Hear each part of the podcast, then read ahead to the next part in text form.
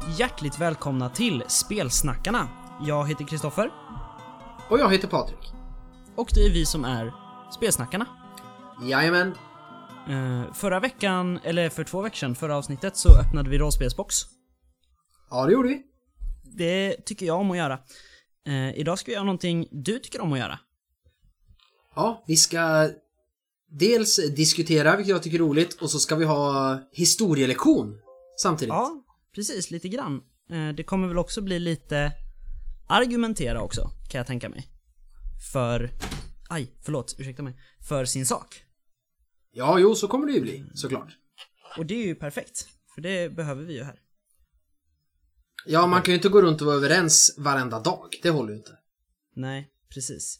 Eh, men vi har ju en vana att börja med att ställa varandra frågan Vad har du spelat sen sist?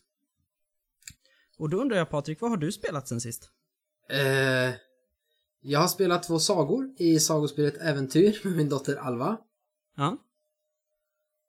Och så har jag spelat det eh, allra sista scenariot i eh, eh, Path to Carcosa-cykeln till Arkham Horror Card Game. Wow! Är det, är det skönt eller? Det var så jobbigt. Vi stod där och bara en tur till. Så nä- nästa tur, då var det att vi behövde ta ett steg. Och då hade vi så att säga fått den resolution vi sökte, som hade varit bra. Istället drar jag då ett eh, encounterkort. När det är min tur att göra det. Ur, eh, som vi brukar säga, elaka kortleken. Mm. Och på det står det att agendan får eh, fyra Doom. Vilket innebär att den avancerar och då vart det Resolution 3 typ You lose the campaign. You are first driven insane and then killed. Yeah! Eh, Så hade vi haft en tur till, eller hade jag dragit ett annat kort, ett monster, vad som helst, då hade vi klarat den. Okej.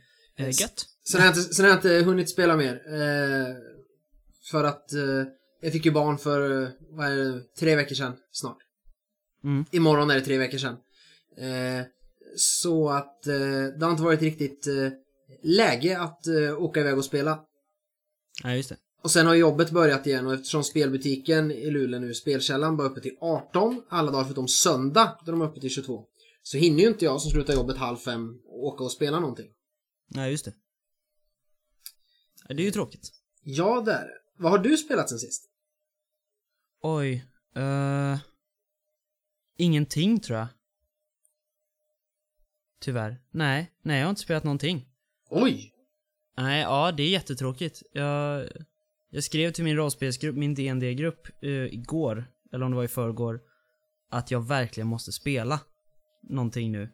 Men problemet är att alla de är engagerade i såna här uh, utskott och styrelser och sånt på universitetet och nu vid terminstart så har ju de väldigt, väldigt mycket att göra. Eh, Så vi kommer inte kunna spela på några veckor, ytterligare några veckor. Oj då. Eh, ja, så jag, jag börjar bli galen. Men jag har en eh, ospelad Ensamma Vargen-bok som jag eh, tänker ta mig an. Faktiskt. Och sen finns ju alltid Tryggtolkel, Barbaren. Ja, den är faktiskt utlånad. Jaha. Mm, till en vän som sa att han ville skriva, han hade plan på ett eget eh, soloäventyr. Och då frågade han, har du någonting jag kan låna så jag kan se hur det ska, ska vara? Och då fick han låna Ensamma Vargen och Tryggtorkel för att se två olika sätt att göra på. Tryggtorkel är ju underbar i, i sig hur den är, alltså hur den är utformad. Ja, det är ju bara T6-tabeller. Ja, jag vet, jag älskar det. Det är helt fantastiskt. Eh, däremot så har jag köpt väldigt mycket rollspel. Ja, eh, tyvärr. Eller ja, nej det är väl bra. Nu börjar ju lönen från mitt sommarjobb komma, men den springer lika fort. vad har du köpt då? Eh, Monster i Masona, monsterbok till Sagospelet Äventyr. Mm. Eh, eftersom eh, det, sponsen kom inte. Nej. Eh, och sen har eh, Åskfågeln sommarrea, så att jag klickade hem Ensamma Vargen rollspelet också. Boxen. Eh, för jag tycker det ser fint ut. Har expertregelboken, har den kommit? Visst finns det en expert? Det tror jag inte. Nej, då väntar vi fortfarande. För att jag har ju spelat det en gång. Ja. Det var väl du också med va? Mm. Mm. Och det är det att det är ju uppbyggt i princip likadant som soloäventyren. Ja, just det. Eh, Men så finns det ju någon expert och där man kan spela andra saker än bara kajmunkar. Ja, just det.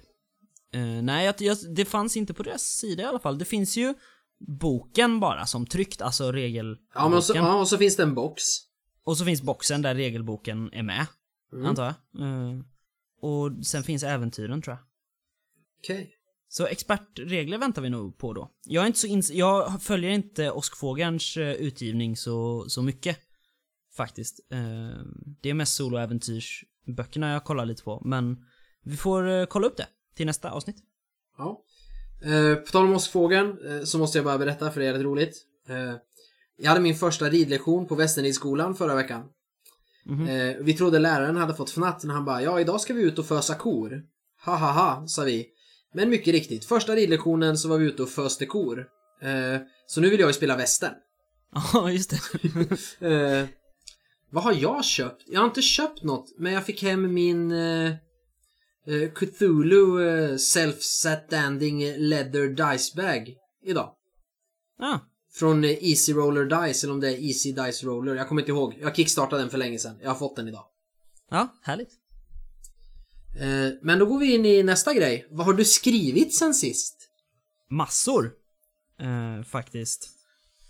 Eh, inte på regimen dock, så mycket. För där... Det är ju en nyhet. Eh, eller det, nej, det sa vi förra gången. För då hade det hänt va? Eh, Att att, vi vi, har skickat ut den mörka regimen till speltestare. Jajamän. Ja, just det. Eh, och därför skriver jag ju inte aktivt på det längre. Jag petar lite på en kommande modul vi är väldigt sugna på. Ehm, annars har jag skrivit ner mitt äventyr till Cyber M77 som vi spelade. Eh, tondöd. Ah. Mailat Åskfågeln och frågat om de är intresserade att ha ett cyberäventyr med i Phoenix. Eh, väntar fortfarande tålmodigt på svar. Och sen så håller jag på med ett äventyr till ett spel som jag vill eh, hylla lite snabbt eh, nu här. Nej, eller har, skulle vi köra en punkt där vi pratar om bra grejer vi gillar? Ja, vi gjorde ju det på slutet ju, förra gången. Så Ja, men då tar vi det då. Ja, jag håller på med ett äventyr till ett annat spel också, som vi kommer nämna sen. Ja, eh, du, Vad där har du med, skrivit sen sist? jag tänkte, där med åskfågeln, det har varit problem ett tag ibland när man mailar dem, för det är någon vajsing Mhm. med någon mailadress. Så får du inte svar på jättelänge, googla det och försök att hitta någon kontakt via Facebook eller något. Ah, Okej, ja, det här var Phoenix eh, mailadress. Ja. Yes, men det är åskfågeln som ger ut Phoenix. Det är ju Anders Ja, och Tove precis. som gör den. Ja, Eh, men det är två olika mailadresser. Ja, jag har eh, också skrivit på den här kampanjmodulen Forchester min, mitt förslag på själva plotten, den bakomliggande plotten och historien som egentligen är bakgrunden till hela mörka regimen också kan man säga. Ja, lite grann. Eh, så jag väntar bara på att du ska läsa den och säga nej, min är bättre, vi kör på den eller hmm, jag gillar vad jag ser, vi mergar dem. Ja, just det. Sen har jag börjat göra en mall för eh, just för att när man skriver äventyr, jag har läst så många äventyr till samma spel. Vi kan ta Drakar och Demoner som ett exempel. Eh, och så finns det så många äventyr och de är skrivna på så olika sätt och dispositionen på dem. Mm. Och det tycker jag är lite rörigt, så jag har försökt skapa någon sorts mall med vårat introscenario, Besynliga nätter, som, som grund för att visa liksom att men här vill jag ha en kort beskrivning, här vill jag ha vad ska man uppnå, händelseförlopp, rumsbeskrivningar. Så att det liksom, vi får ett flöde och då är det lättare när man har en idé tror jag att dra ut trådar också och få ihop det. Om man skriver just på samma sätt. Eh, och i och med det har jag gjort våld på ditt och, och Mattias äventyr lite också. Där jag tycker det saknas lite pusselbitar. För det är ju skrivet eh, hyfsat rälsat i och med att det var ett konventscenario från början. Mm, precis. Eh, nu har jag ju börjat eh, trycka in lite fler pusselbitar eh, och sådär. Men det har jag skrivit i röd text. Så det är inte fastslaget. Det får ju äventyrskonstruktören tycka till om. Men jag har börjat strukturera upp det där. Så att det faktiskt kan bli en tryckt produkt också som följer med spelet. Ja, just det. Mm. Ja, nej men det är grymt. Jag gillar också så, struktur. Mm. Faktiskt. Ehm, har vi lite nyheter? Ja! Du har ju en ascool nyhet. Ja. Eh, Eloso förlag som ger ut sagospelet Äventyr och som nu håller på Och slutför gissar jag Chock åter från graven. Och Historiska äventyr i Göteborg. Ja, det har de gjort. Eh, Och så håller de ju på med super, eller rollspelet Handbok för superhjältar. Mhm. Det var igår de annonserade ut det va? Ja. De översätter Call of Cthulhu 7th edition, det vill säga den senaste, till svenska och väntar sig en lansering 2019. Jajamän. Det, det är så jävla coolt.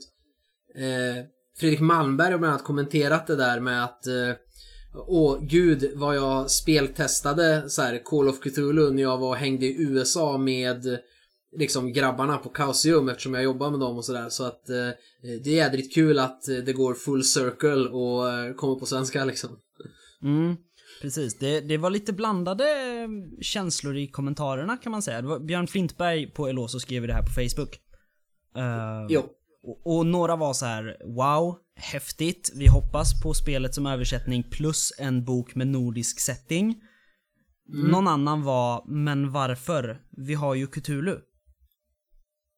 Ehm, så det, det, det är lite så här blandat. Jag, jag tycker det är jättehäftigt. Jag ser jättemycket fram emot eh, ett svenskt Call of Cthulhu. Jag har inte läst så mycket Call of Cthulhu. Jag har ju bläddrat lite i min eh, sist edition. Ja, jag gillar ju, jag gillar ju 7th edition. Just, vi kommer prata mer om det här sen. eh, I avsnittet, men de specifika regeltillägg och ändringar de har gjort på BRP för 7 tycker jag om. Många av. Eh, sen det här kommentaren, men vi har ju Cthulhu. Ja, det är regelrätt. Jag spelar nog den typen av spel och vissa specifika scenarion som jag, så som jag tycker om att spela Call of Cthulhu. Med Mikael Bergströms regelsystem Cthulhu. Mm. Men det finns ju ingen, inga beskrivningar och så i övrigt så att om man inte har läst jättemycket Lovecraft-noveller och är inläst på det så känner jag, jag gör det ändå, att när, när eh, om jag ska sätta mig ner och skriva ett äventyr, spelleda Cthulhu då hade jag tagit fram mina, min, eh, mina regelböcker till Call of Cthulhu också. Och läst igenom för stämningens skull, eh, exempel, monsterkapitlen eh, och allt om eh, ja men liksom arcane eh, magic och tomes och, och sånt där. För att Precis. allt som har med setting att göra saknas i Cthulhu. Cthulhu av Mikael Bergström det är ett avskalat enkelt regelsystem för att spela äventyr där man letar ledtrådar och löser pussel. Och det är en handbok i hur man kan spelleda skräck. Ja. Medan Call of Cthulhu är hela Lovecrafts värld. Ja, lätt anp alltså anpassad enligt vad Chaosium vill för att fungera i deras rollspel. Mm. Liksom. Men så att eh, jag tycker båda har en plats tillsammans för att Cthulhu i sig, om man inte har läst mycket Lovecraft, är inget som någon som aldrig har läst Lovecraft bara kan ta upp den regelboken, känner jag, och spela så som jag vill spela eh, Lovecraftiansk skräck i alla fall. Nej, precis. För det, det finns ju ingen info om själva mytosen. Eh, För att det är bara ett regelverk. Ja, sen kan man ju skita i det. Man kanske bara, ja ah, men jag vill spela någon cool skräck. Här finns ett regelsystem. Så tar man det och gör sin helt egna värld och mytos. Då funkar det ju. Men när man spelar Lovecraftiansk skräck så fungerar det inte med bara Cthulhu om du inte har läst annan Lovecraft eller Chaosiums produkter. Nej. Och det säger ju Mikael Bergström själv att eh, Nej men ta mitt regelsystem och sen köper ni Horror on the Orient Express eller Tatters of the King eller något och kör de kampanjerna. Mm. Fast med mitt regelsystem. Mm. Ja, nej men det, jag är skittaggad faktiskt. Ja, det, det kommer bli häftigt. Mm, det hoppas vi. Sen, eh, nyhet och nyhet. Det går väl fort...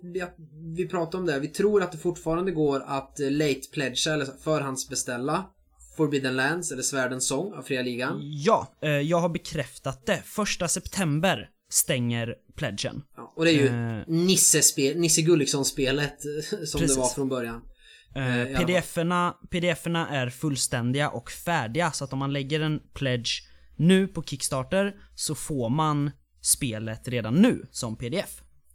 Eh, annars så får man tålmodigt vänta tills det kommer i affär i november. Om man inte pledgar innan första september. Och vi borde ju få det någon vecka eller två innan affären. Ja, det är ju på tryck nu. Alltihop. Eh, så det ser vi fram emot. Ja. Och Eh, ligans eh, den här svenska översättningen av Call of Cthulhu-novellen Cthulhu vaknar med snygga bilder. Den går också fortfarande, eller den går ju alltid att förhandsboka för den kommer ju nu i september. precis, en fet bok med dundrande illustrationer i. Ja, den verkar ascool. Ska ju vara. Eh, Har du några nyheter? Ja, jag har en till Fria Ligan-nyhet. Okej. Säg Eh. Hindenburg, säg Hindenburg. Nej, eh, Coriolis.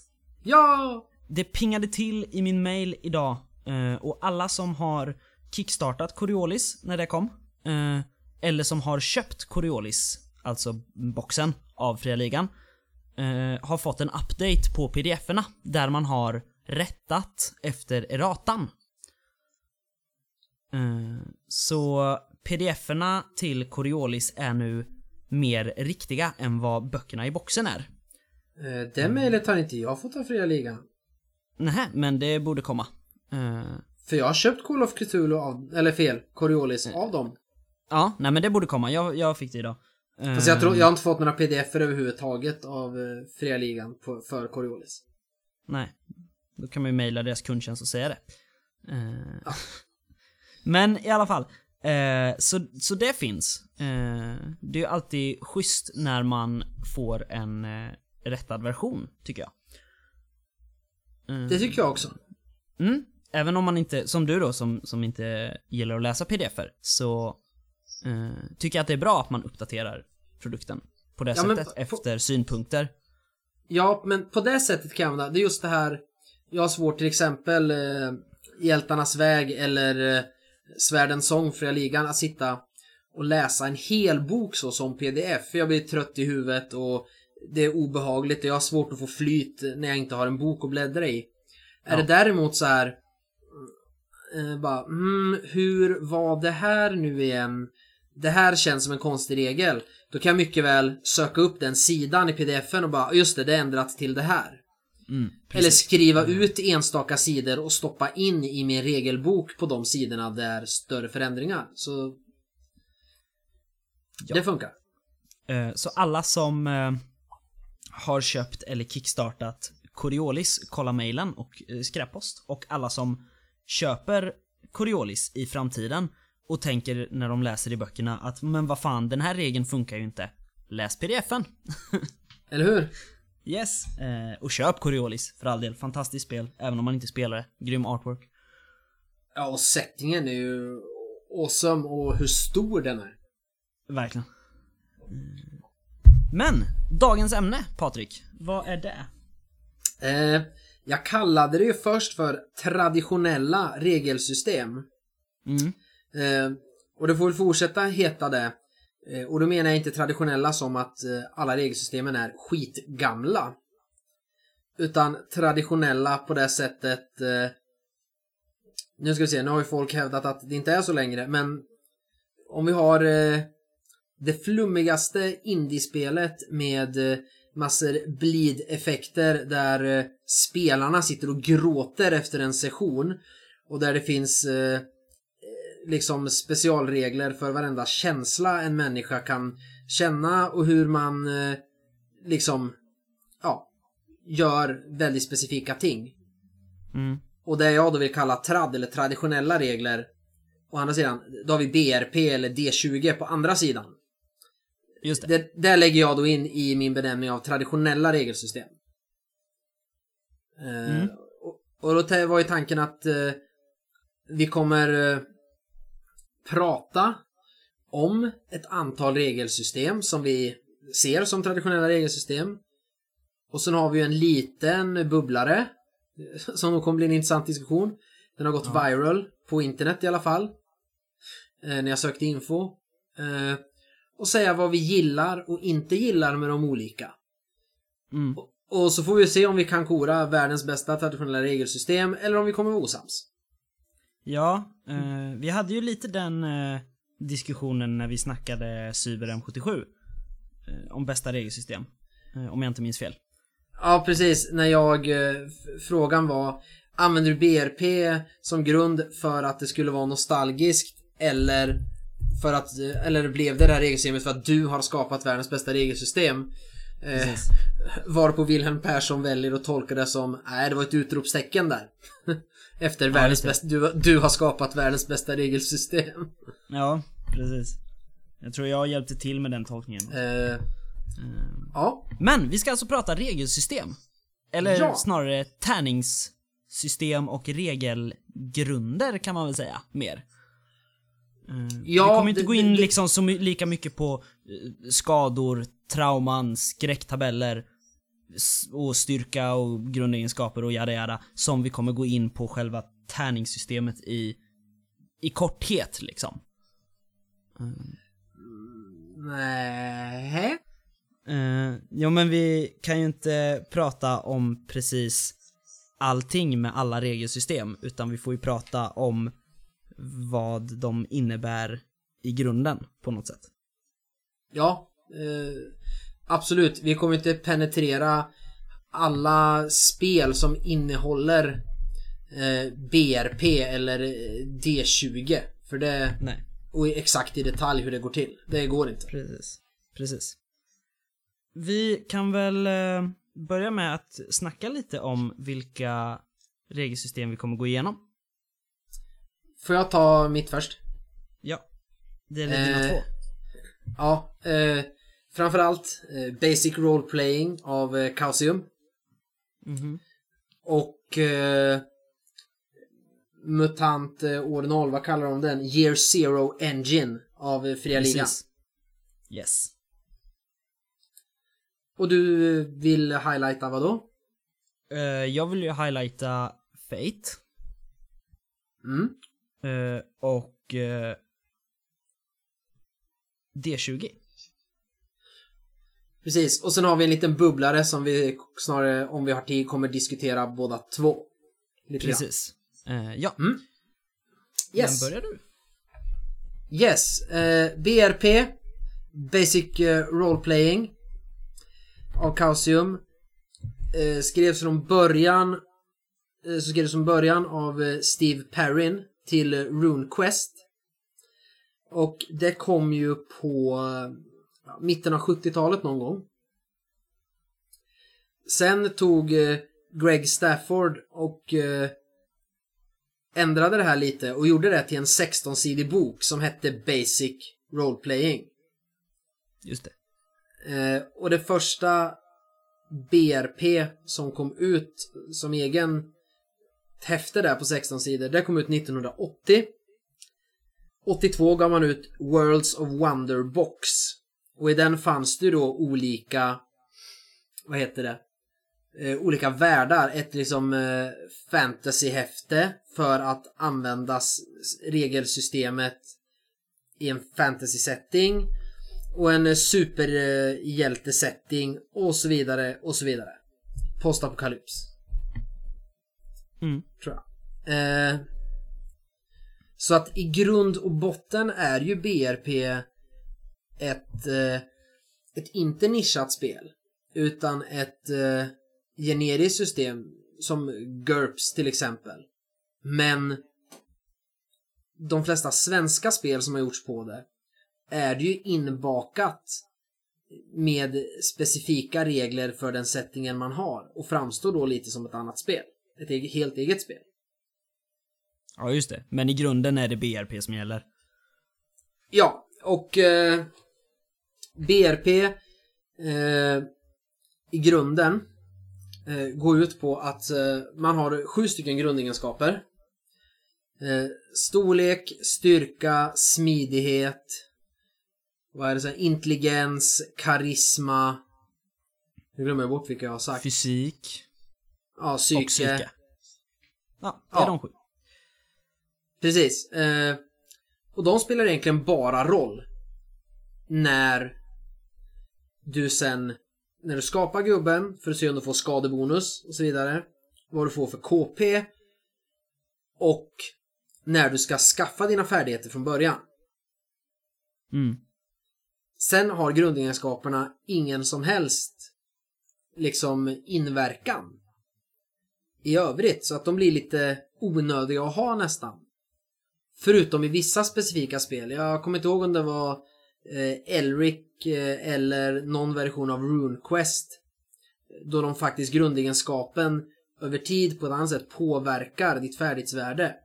Mm. Eller som de gör i eh, Cyber 77 till exempel. För det är ju BRP i grunden. Där du istället för ett rent färdighetsvärde i en färdighet har nivåer 1 till 5. Och så tar du det gånger din grundegenskap varje gång du ska slå ett färdighetsslag. Så att de faktiskt matters, de här grundegenskaperna. Precis, och då när du ökar Utöver en nivå, karaktärsskapandet. Precis, när du ökar en nivå då i en färdighet i cyber så måste du multiplicera då med dina grundegenskaper och Ja, då men blir de precis. det avgörande. Eh, ja, och BRP i grunden är ju procenttärning. Du har ett färdighetsvärde mellan 0 till 100. Du slår en T100. Du ska få lika med eller under ditt färdighetsvärde för att lyckas. Ja. Eh, och sen är det lite olika. I vissa spel så är det 1 till 3 är alltid perfekt och 98 till 100 är alltid fummel. Eh, vissa är att slår du samma tiotal som ental under ditt färdighetsvärde. Om du har färdighetsvärde 70 och så slår du 66, då får du perfekt slag. Och slår du då 88 så är det ett eh, fummel. Eh, Det är skillnad i vissa spel. Och eh, Ja, snarare anpassats. Call of Cthulhu använder ju BRP. Där kan du aldrig ha en skill över 100%. Men i Stormbringer så kan du ha över 100%. Mm. Eftersom du kan få minus ibland på situationsslag och så. Eh, så det är väldigt anpassningsbart eh, BRP. Kan man ju lätt säga. Till olika settings eftersom grunden eh, i själva regelsystemet är enkel och sen hittar man ju på bara de, de färdigheter man känner att man vill ha som passar i din setting och de yrken eller roller man vill ha. Mm. Sen eh, ska vi väl alla, eller alla, jag i alla fall tycker att eh, re regelsystemet är inte det, det, det är absolut inte världens bästa regelsystem. Eftersom kärnan är, det är sånt där, de här 16 sidorna, det är det fortfarande som är en grund. Men de berättar ju inte allt man kan göra utan du ska hitta på dina färdigheter eh, till, när du gör ett spel och annat och det gör ju att det kan spreta väldigt mycket för det finns ju en miljon olika system. Call of Cthulhu regeltexten är ju inte bara 16 sidor. Nej, precis. Inte För det är, gött det där med rung, kult, mutant eh, heller. Som Nej. också använder BRP. Precis, utan man lägger till massa specialregler som har ett grundsystem som är gjort för att vara generiskt och enkelt. Men så fort du klär på det med specialregler för magi eller mutationer, eh, övernaturligheter eh, överhuvudtaget eller särskilda färdigheter för vapen där man ska lägga ihop och dra ifrån saker och så vidare. Då blir det inte så där enkelt för det är inte skapat för det från början. Så att det är enkelt att ta som en grund och bygga vidare på tycker jag. Men det blir väldigt lätt spretigt och lite svåröverskådligt när man använder det till ett spel. Ja, just det. Ty tycker jag personligen. Mm. Jag gillar BRP. BRP... De första rollspelen jag spelade var ju BRP. Eh, Men inte 100-sidig tärning. Du sa ju det att man slår ofta en 100-sidig tärning. När ja, det i, är i BRP. grunden i Basic Role Playing så slår man en T100. Och har en procentchans. Det man har gjort eh, jag vet inte om det finns i andra utländska spel, men i svenska BRP-spel efter, nu var det 85, Draken en expert tror jag. Så Ja. delade man färdighetsvärdena med 5 och slår det med en 20-sidig tärning istället där 1 är perfekt och 20 är fummel. Just det. Och det lever ju kvar idag i bland annat eh, Trudvang Chronicles och eh, Right Minds Trudvang. Liksom den delen är kvar från vad heter det? Från BRP att, eh, eller svensk BRP som jag säger, att slå en T20 slå lägre än ditt färdighetsvärde, ett är perfekt, 20 är fummel. Ja. Eh, Det, det är ju fortfarande samma procentchans liksom. Eh, bara att det är andra siffror och tal. Ja precis, hade du 50 i en färdighet i eh, Drakar och Demoner eh, 84 så eh, har du 10 när du slår på Precis. T20. Så att reglerna är ju samma i de Drakar och Demoner-versioner som kom sen. Ja. I grunden. Jag vet att Riot Minds Götterdämmerung eh, också körde eh, 20 Nu sidor. hörde jag inte alls vad du sa. Okej. Eh, jag vet att eh, Riot Minds Götterdämmerung... Ja, hallå? Hallå? Jag hörde något om Götter Demerung bara. Ja, jag sa Götterdämmerung. Jag hör inte vad du säger. Hör du inte mig nu alls? Ja, jag hör dig men jag kan inte höra. Jag hör enstaka ord och sen låter det... Varför då? Jag vet inte. Vill jag veta.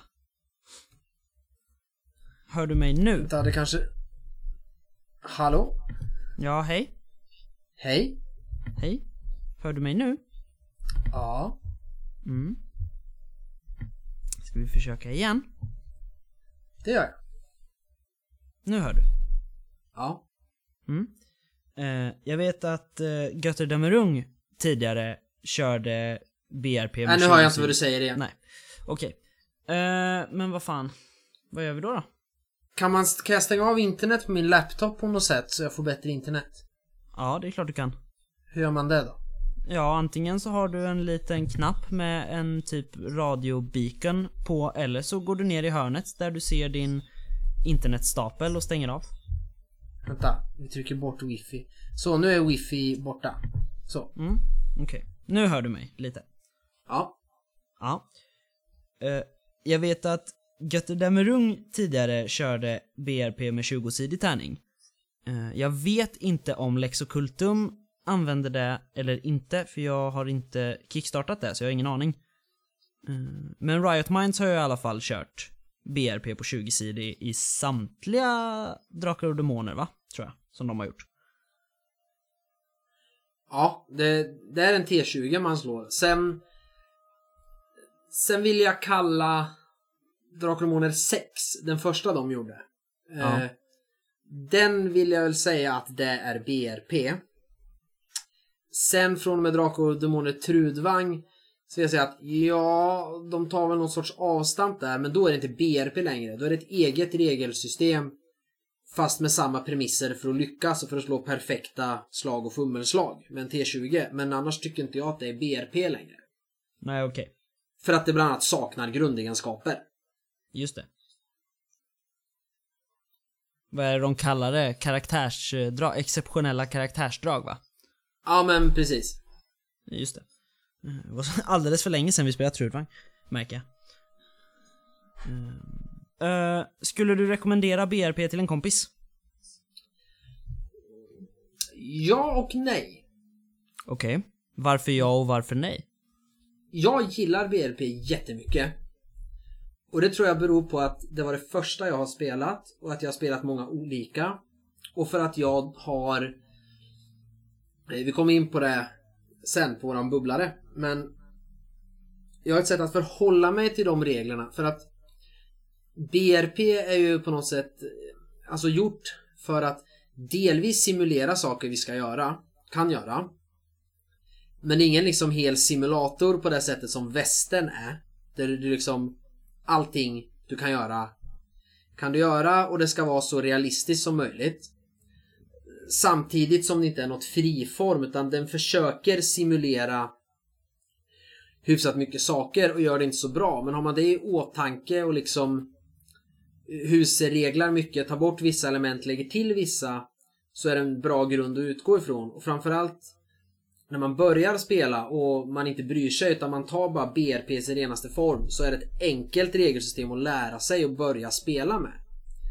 Mm. Därför tycker jag om det och så tycker jag inte om det just för det här, om till exempel finna dolda ting. Jag Ja, låter inte spelarna slå sådana slag längre för att jag tycker det är helt idiotiskt att man hittar inte sin ledtråd eller den hemliga gången så man kommer inte vidare för att man misslyckades med tärningsslag. Nej, men det är ju mer spelet som har den färdigheten än systemet i sig. liksom. Jo, nej men så i, i, i grunden gillar jag systemet. Eh, Men det beror som sagt, alltså om jag gillar BRP eller inte så beror det mycket på vilket spel det är eftersom BRP eh, är grundmotorn och sen skiljer det sig mycket åt i de spel. Call of Cthulhu 7th edition, där tycker jag faktiskt BRP är riktigt, riktigt bra. I Cyber eh, M77, där funkar det jättebra den versionen av BRP. Eh, men eh, om jag ska vara ärlig så tycker jag inte som rent regelsystem till exempel att Drakar och från från 84 är så jätte jättebra regelmässigt. Men jag tycker jättemycket om att spela det, men det är ju för nostalgins skull. Tror jag, framförallt. Just det. Mm. vi får väl avsluta med ett litet tillägg då, tycker jag, om hur BRP ser ut idag. Ja. Eh, inte minst i Sverige då, som vi märker om man, vi som är relativt aktiva på bräd och rollspelsforum på Facebook. Eh, finns ju en liten rörelse som heter OSR, Old School Renaissance. Där man strävar efter att göra rollspel som de var på 80 och 90-talet. ja Eh. Som Dungeons and Dragons framförallt var på Mm. 70 och 80-talet. 70 och 80-talet. Är ju OSR. förlåt. Ja, precis. Eh, så de indiespel som vi så ofta pratar om att vi skulle vilja spela och sådär, eh, de är ju ofta BRP. Jaha. Uh, Okej. Eh, Eller? nej, min liksom, syn på indie som vi kanske kommer in på sen är ju så långt ifrån BRP man kan komma. Eh, alltså när jag tänker indie då tänker jag mig Ja men vi har inga regler. I det här spelet ska vi eh, utforska kärlek. Så att eh, så fort man känner, vill, vill att den andra spelaren till vänster om en ska känna en romantisk känsla.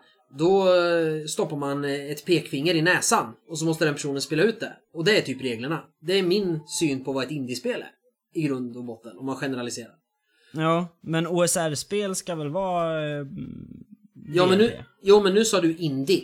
Ja, men det är ju indie om man inte är bunden till förlag. Ja, det tycker inte jag att det är idag. Men strunt samma. OSR. Ja. Nej, OS, OSR. OSR ska absolut inte vara BRP. Nej, OSR okej. ska vara liksom First Edition eh, Dungeons and Dragons.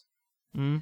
Om jag har förstått Wilhelm Persson rätt så är det det som är grundidén lite med Cyber M77 som han då benämner KSR, klassiskt svenskt rollspel. Att det är ju den svenska motpolen till OSR. För i Sverige Våran retrogrej är inte Dungeons and Dragons. Det är Drakar och Demoner och MUTANT. Och det är därför han ville få den här KSR-stämpeln som en motpol till OSR. Eftersom den traditionen är inte svensk med att spela OSR-spel.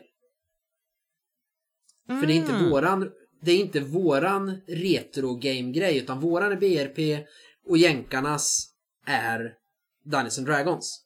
Mm. Okej då, förlåt mig. Sen om jag har fel så får ni väl rätta mig men eh, jag är till eh, 99,9% övertygad om att jag har rätt. Ja, okej. Då så. Eh, ska jag ta ett Och nu har jag- då? Ja, och nu har jag gjort mig hatad av alla som eh, känner att de spelar eller tillverkar indiespel med mitt uttal Ja. från pekfingret i näsan. Förmodligen. Vi kommer få hatmail nu, Patrik. ja, men eh, det, det är bättre att få hatmejl än inga mejl. Syns man inte så finns man inte. Precis. Eh, yes, vi ska hålla oss kvar vid 20-sidiga tärningar. Men ett helt annat regelsystem. Ja, precis. Eh, nämligen D20 eller D20. Eh, som är ett regelsystem som släpptes i samband med eh, tredje utgåvan av Dungeons and Dragons. Eh, det var Wizards of the Coast som, det var då de tog över va? Var inte det efter... Jag undrar hur länge det var TSR? Var det de hela, ja. Jag vet Jag, att jag tror det var vid fjärde eller femte Wizard tog över. Det, det vet du bättre än jag, du som spelar. eh, Ja, nej jag vet att de gjorde trean. De gjorde trean. Okej, ja men då är det så. Ja. Ehm, och 2000 kom det, spelet.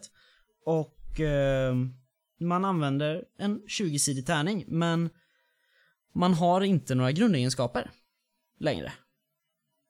Ehm, man har liknande grejer. Eh, vad är det? Man har skills och attributes i Okej, Dungeons and Dragons i alla fall. okej. Eh, För i 3,5 så har man ju grundegenskaper. Mhm. Constitution, strength. Nej, det, Dexterity. det, det är attributes. Ja, men jag, jag kallar dem grundegenskaper för de gör ju typ samma sak som en grundegenskap. Nej, de gör ju faktiskt inte alls samma sak och det är det som skiljer eh, BRP med en 20-sidig tärning och D20-systemet åt. Okej, fortsätt. I, I D20 så slår du en tärning, en 20-sidig tärning, Ja. eh, mot en svårighetsgrad som Ja. du får. Som varierar he- hela, hela tiden. Precis, den varierar från slag till slag. Eh, och dina dina eh, skills och attributes, de liksom ehm, de läggs till på ditt eh, slag. Ja. Men visst är det så, om du Mm. har typ, nu kan jag inte hela tabellen, men om du har strength 18 Mm. så får du plus 3 på ditt slag. Din strength bonus är typ plus 3. Ja, precis. Ja, Ehm, och det är därför jag, de har ungefär samma skala som grundegenskap och de ger Det är därför jag kallar dem grundegenskap, för det är så jag ser på dem. Men attributes, då är jag med. ja, just det. Ja, Eh, men här slår du ju inte mot dina färdigheter på samma sätt som i BRP.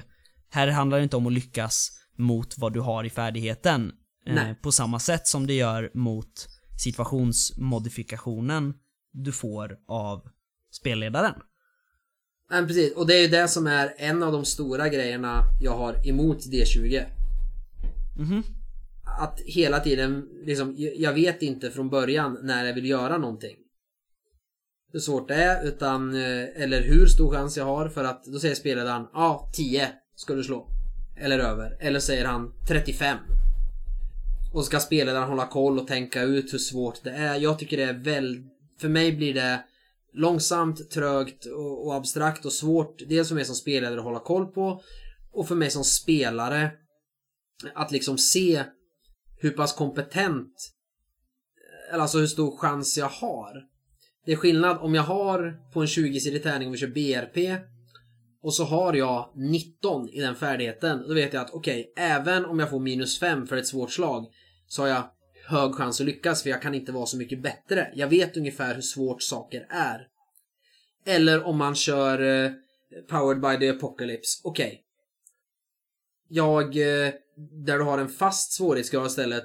Över 7 lyckas lite grann, över 10 lyckas jävligt bra. Mm. Och så det, det, det, är en av de stora grejerna förutom, det, du kommer säkert in på levelsystemet, men det, det är det där med liksom difficulty class. Det är en av de grejer jag har svårast med med D20 och det är därför jag inte spelar det så mycket. Ja, just det. Men du kanske gillar det här med difficulty class? Ja, ja, jag har lärt mig tycka om det. Ehm, jag har fortfarande inte kört så himla mycket egentligen, men jag, ja, nej men jag tycker det är gött. Faktiskt. Det, det liksom sätter, vad ska man säga, det sätter stämningen till situationen. Eh, och jag får veta på en gång om det är svårt eller inte. Eh. Så det, ja, nej men det gillar jag. Ja. Ehm, och det här med levla, jag... Vi är inte så... Vi kör lite mer, eftersom vi håller på med en så lång kampanj just nu. eh, Så kör inte vi med liksom level points, eller vad man säger. Eh, Utan eh, vår DM talar helt enkelt om för oss när vi får levla. Ja. Hon säger, nu tycker jag att ni har gjort viktiga och bra grejer här, så nu kan ni få levla. Ja. Men, men normalt är det väl så att varje encounter grej man gör är värd XP. Typ, eh, nu hittar jag bara på för jag kan inte. En goblin är värd 10 XP. Så, och, och så slår man, möter man eh, 100 goblins slår ihjäl. Då får man 100 gånger 10 XP och sen bara Oj, nu har du nått upp till det som krävs för att levla. Du levlar till level 2. Precis. Eh, Det är som jag har förstått det också. Ja, Men och i vi vissa versioner, jag vet inte vilka, men i vissa versioner har man kunnat sälja guld för XP också. Okej, Vet det visste jag. inte jag. Nej, och sen, du får gärna beskriva själva upplevlingen. Det här med feats eh, och allt det här, för då kommer vi till den grejen varför jag ogillar det här med levels. Ja, man får väl... Eh, man får ju välja en, eh, en ny feat när man levlar. Och en feat är ju i princip en, vad ska man säga, en egenhet, ett karaktärsdrag. Eh, som jag har förstått. Jag har bara levlat en gång så jag har inte... Nej men kan det inte vara, kan det inte vara, kan det inte vara specialgrejer har det varit förut? Och så säga att, ja men du tar feeten eh, Super cool barbarian axe och då varje gång du använder en yxa för att du är en barbar så får du typ plus 3 och gör CP mycket skada eller något så här. Ja, något sånt. Och man kan köpa nya spells om man är eh, trollkarl liksom. Eller Bard. Eh, Ja. Barder Ja. kan alltid köpa Ja, och det är det där för när jag, när jag väl, jag, jag har inte spelat femman. Jag har spelat eh, tre och en halv och så har jag spelat eh, Pathfinder som brukar kallas eh, 3,75. Mm. Eh, och men det jag blir den här, alltså när folk skriver på internet, ja ah, men nu gjorde jag en paladin och sen när jag kom till level 10 insåg jag att jag hade varit fel för då kunde jag inte ha nytta av att köpa den här fe- featuresen för jag hade köpt de här och då matchar han inte så han är ju inte optimal liksom eh, på det han ska göra. Eh, och så det finns så här karaktärsbyggare liksom på internet där du liksom Nej, du, om, du måste välja de här grejerna när du skapar en sån här gubbe i början och sen för varje level måste, ska du välja de här för då blir han superbra på level 20. Precis. En, det- en fighter har ju särskilda grejer som han får vid level 15 eller level 19 och så vidare. Precis, men då måste du välja rätt grejer från början och hela tiden med din fighter. För att han ska bli så optimerad i slutet. Och det där är den stora grejen jag har emot. Jag har inte emot levelsystem i sig. Eh, eh att man levlar och kan bli bättre.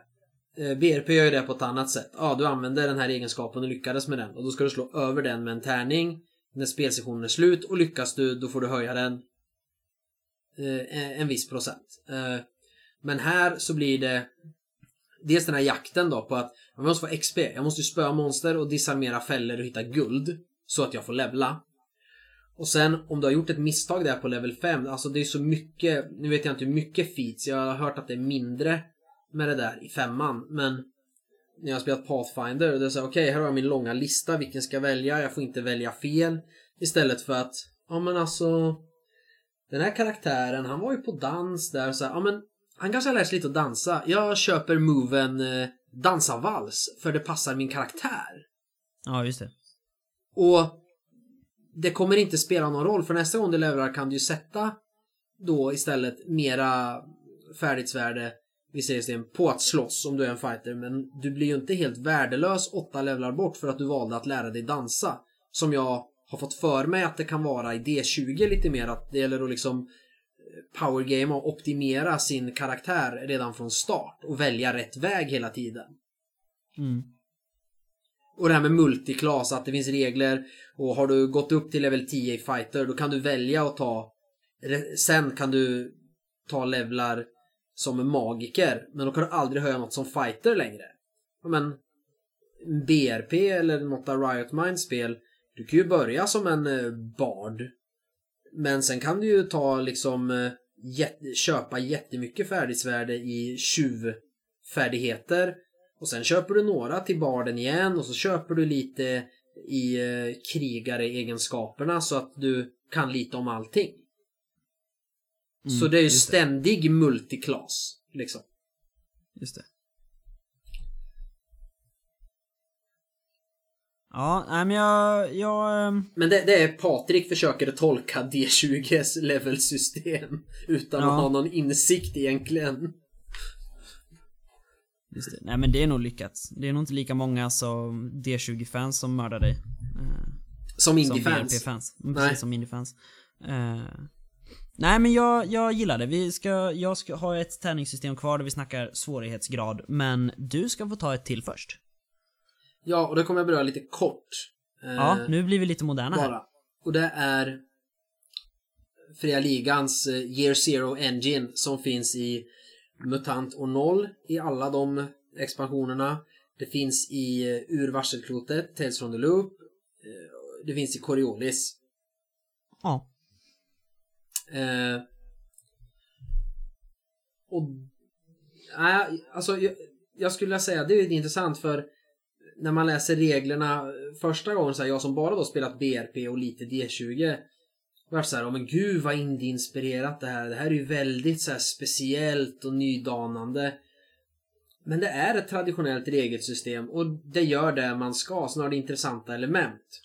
Du Ja. har grundegenskaper Yes. med ett värde mellan 1 och 5, eller hur? Mm, Eller ett och fyra? Ja, nej, ett och fem, 1 och 5. tror jag. Ja. Ja. Och sen har du färdigheter som är upp till 3, va? Ja. Ja. Och så har du... eh, Ja, du ska slåss. Då kollar du på slåss. Ja, den använder grundegenskapen styrka. Jag har fyra i styrka. Då tar du fyra eh, tärningar. Och sen... Sexsidiga. Ja, precis. Och sen hade jag två i slåss. Då tar jag två sexiga tärningar. Och så hade jag ett knogjärn på mig och då får jag plus ett i bonus. Så då tar jag en sexsidig tärning till. Och sen så slår jag dem. Eh, alla sexor är en framgång. Mm. I- I Coriolis har de delat upp det i... eh, Jag kommer inte ihåg exakt men det är ju en marginell framgång. Det är om du får en eller två. Och får du tre sexor eller mer då är det en fullkomlig framgång.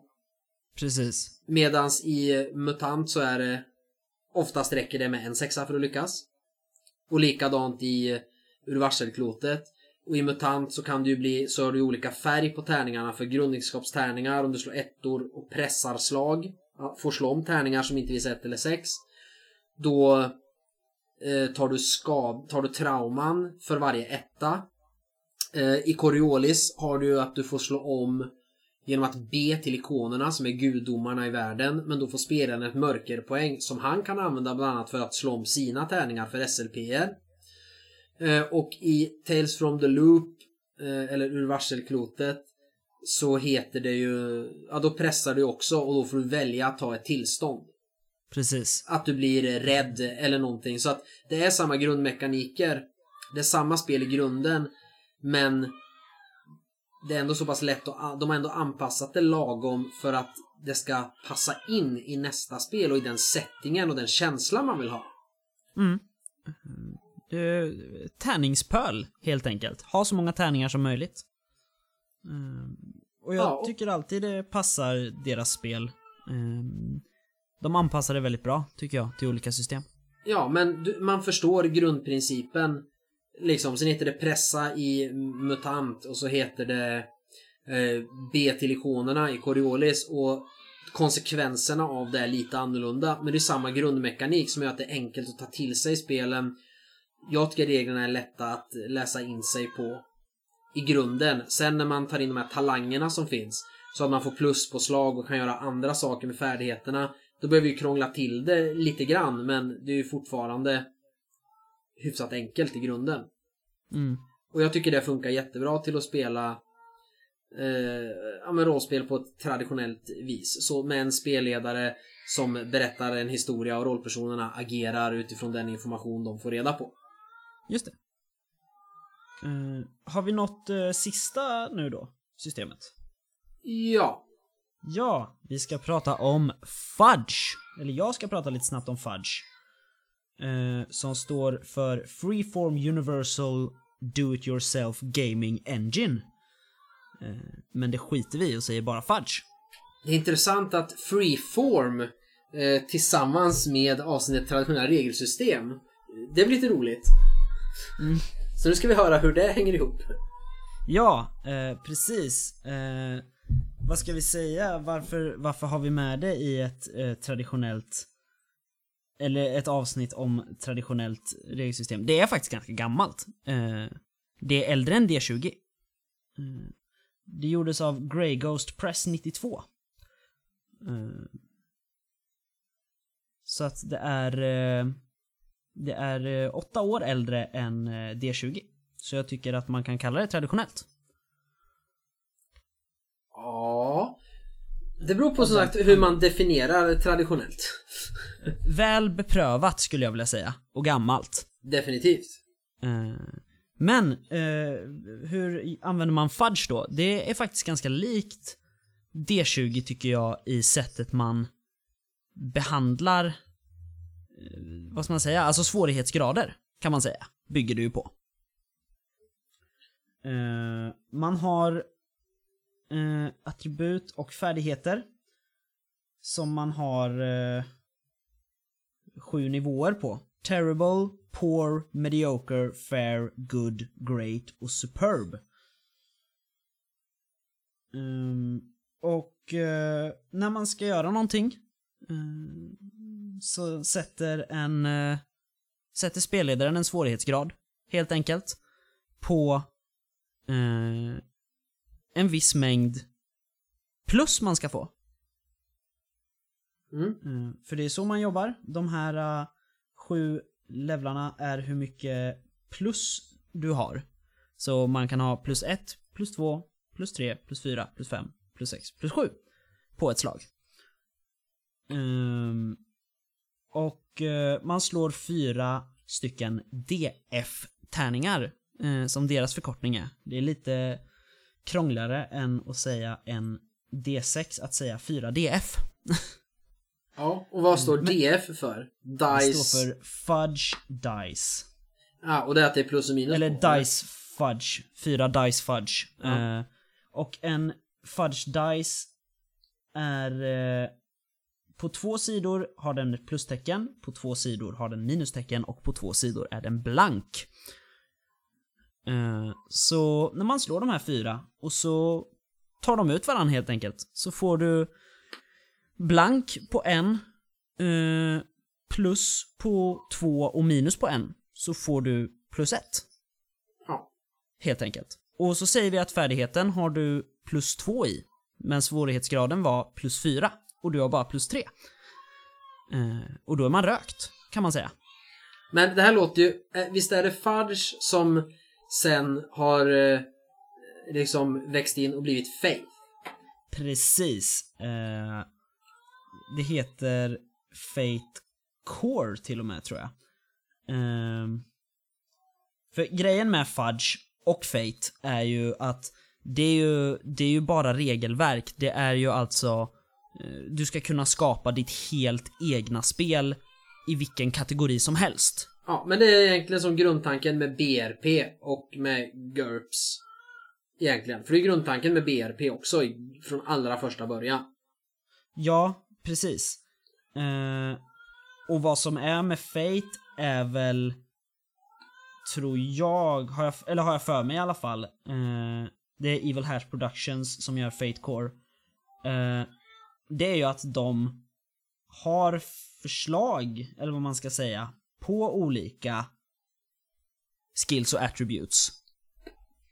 Eh, för olika speltyper, helt enkelt. Ja.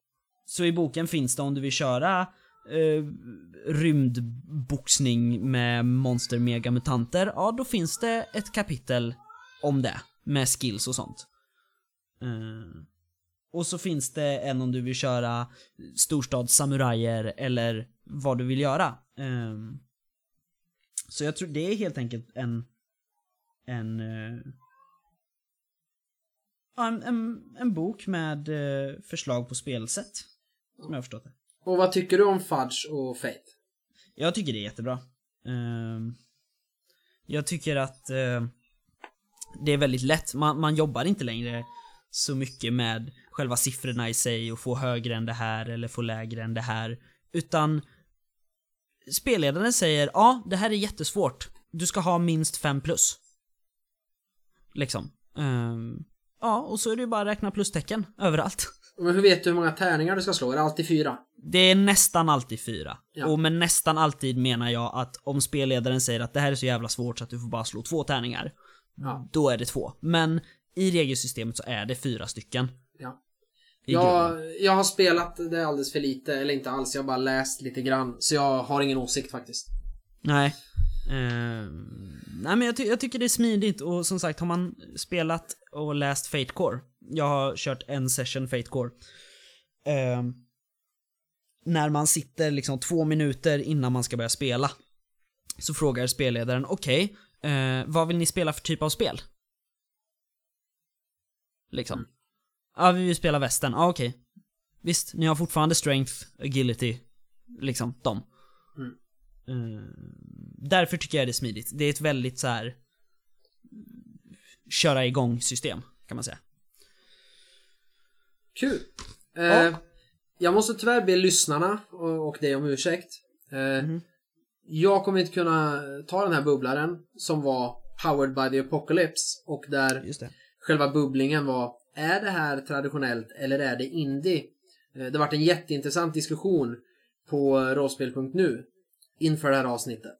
eh, Där folk har pratat, där jag har liksom sökt mer information. Men jag har ett... eh, Jag kom nyss hem från jobbet, sen spelade jag in det här och nu har, är mitt barn inne och skriker. Och hon har varit jobbig hela dagen så jag måste avlasta min kära sambo. Tyvärr. Eh, Så vi får lämna den och ta ett senare avsnitt. Men vi har ju... Det var en sak du skulle säga om ett nytt spel och sen har vi faktiskt fått en present också. Det ska vi ta innan vi avslutar det här. När du känner dig klar med Fate Fudge. Jag känner mig klar med Fate Fudge. Eh, Ja. Nu. Eh, ja, precis. På Bräd och rollspelsforum häromdagen, den 20 oktober, så ploppade det upp ett, en pdf eh, som hette Skräck vid diskbänken, som alltså är ett eh, skräckrollspel på en A4-sida. Fantastiskt. Ja, det är typ det roligaste jag har läst. Jag blev jätteinspirerad så jag har redan påbörjat tre äventyr eh, om det och håller på med. Eh, och det avslutas med konflikter är väldigt ovanliga. Scenarion handlar mer om skräck och utforskning. Ehm, vilket är fantastiskt. Vi kommer prata mer om det här antar jag. Eh, vi kommer länka till det också på vår Facebook-sida så man kan ladda hem det och spela. Hurra! Eh, hurra! Och så fick jag då, när jag frågade upphovsrättsmannen eh, om vi kunde få göra det, så eh, eh sa han absolut. Och då vill vi givetvis nämna eh, hans lilla förlag eller spelkonstruktions eh, namn Okult Örtmästare Games. Eh, det är Pelle Nilsson som har det och han har skrivit eh, Ut mot skären. Som ju är ett eh, OSR-post-apokalypsspel. Som vi då har fått. Av honom. För att recensera. Ja, ett recensions-ex. Nu, Eh, nu är vi uppe i totalt två recensionsex. Precis, därför kan vi spel. säga att vi är etablerade recensenter. Eller hur? Eh, ja, eh, så det kommer vi att kolla igenom. Eh, givetvis. Förhoppningsvis få till lite spel. Det är 44 sidor långt. Ut mot skären. Eh, och innehåller då regler och ett äventyr. Så det ska vi nog hinna få till. Eh, På tal om eh, etablerad, blir inte du eh, podcasträv idag? Jo, det blir jag. Eftersom du har spelat in fler avsnitt än du är år gammal. Precis. Mm, det blir jag. Och eh, med de orden då, med tipset eh, om eh, Okult Örtmästare Games. Så... Eh, och med löftet om att vi absolut ska läsa det och eh, recensera det. Och inom en snar framtid även prata om eh, Powered by the Apocalypse och eh, det är väl då jag får försöka retribute myself inför alla som gillar eller skriver indiespel och förklara vad jag faktiskt lägger in i definitionen av indiespel och kanske förklara mig lite bättre än pekfingret i näsan. Precis. Vi får ta in ett så panelsamtal där vi har lite indieskrivare och etablerade. Ja, Ja. Eh, gå till din dotter så går jag och skriver rollspel. gör det. Och tack för en fin diskussion. Detsamma. Hej då Kristoffer! Hej då Patrik. Och till er lyssnare vill jag säga att gå gärna in på vår Facebook-sida. Dels för att eh, hitta en länk till eh, Okult Örtmästare Games skräck vid diskbänken. Um, klicka jättegärna på gilla också. Det är facebook.com spelsnackarna. Om ni tycker att det vi gör är i alla fall lite bra, gå gärna in på vår Patreon-sida, patreon.com spelsnackarna och donera en liten slant så vi kan fortsätta göra det vi tycker är kul. Vilket är den här podden. Eh, och eh, har ni några frågor, funderingar, hat mot Patriks eh, indie-liknelse, eh, mejla gärna på spelsnackarna gmail.com och ha det fint så hörs vi i nästa avsnitt.